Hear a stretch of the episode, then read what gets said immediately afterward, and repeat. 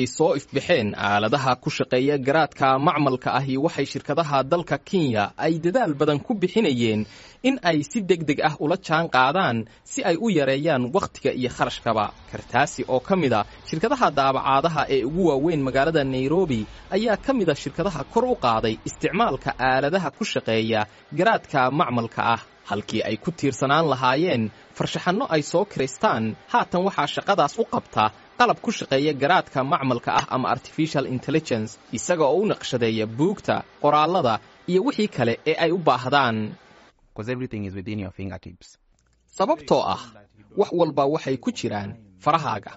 Marka waxaad ogaanaysaa inaanad wakhtiga yarayn oo keliya balse sidoo kale waxaad yaraynaysaa kharashka sababtoo ah uma baahnid inaad kiraysato qof shaqo kuu qabta. Sidaas daraaddeed inaad kharashka kaydisid waxaa keenaysa e i taas oo qabanaysa shaqada.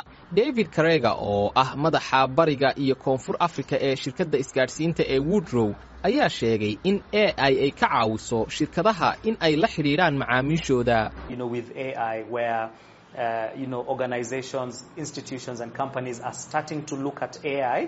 Garaadka macmalka ah ururada hay'adaha iyo shirkadaha ayaa bilaabaya inay adeegsadaan sidii ay shaqada uga caawin lahayd halkaas oo ay kharashka ku yaraynayaan iyo in ay xidhiidh wacan la sameeyaan macaamiisha.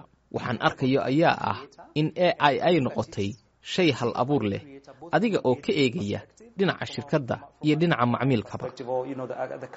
Hirgelinta e i waxa ay ka qabaan dadka farshaxanka ah iyo shirkadaha waxayeysiiyaa taas oo uu sii yaraanayo macaashka ay samaynayaan simon mowanzai oo ah madaxa curinta ee shirkadda the art group ayaa qiraya faa'iidada ay leeyihiin e i ama garaadka macmalka ahi inkasta oo uu qabo in ay fiican tahay in shirkaduhu ay ku tiirsanaadaan xirfadlayaasha aqoonta sare leh. Dhammaan shaqada naqshadaynta waxaa lagu qabtaa gudaha. Markaa taasi waxay ka dhigan tahay in lacag yare ay soo gasho shirkadda.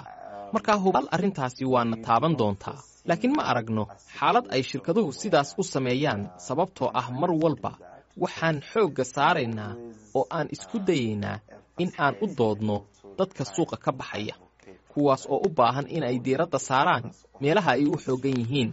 Wakhtigan xaadirka ah barnaamijyada e i ee loo isticmaalo xayeysiintu waxay inta badan abuuraan waxyaabo kala duwan oo qaarkood khiyaali yihiin kuwaas oo u baahan saacado badan in la hagaajiyo.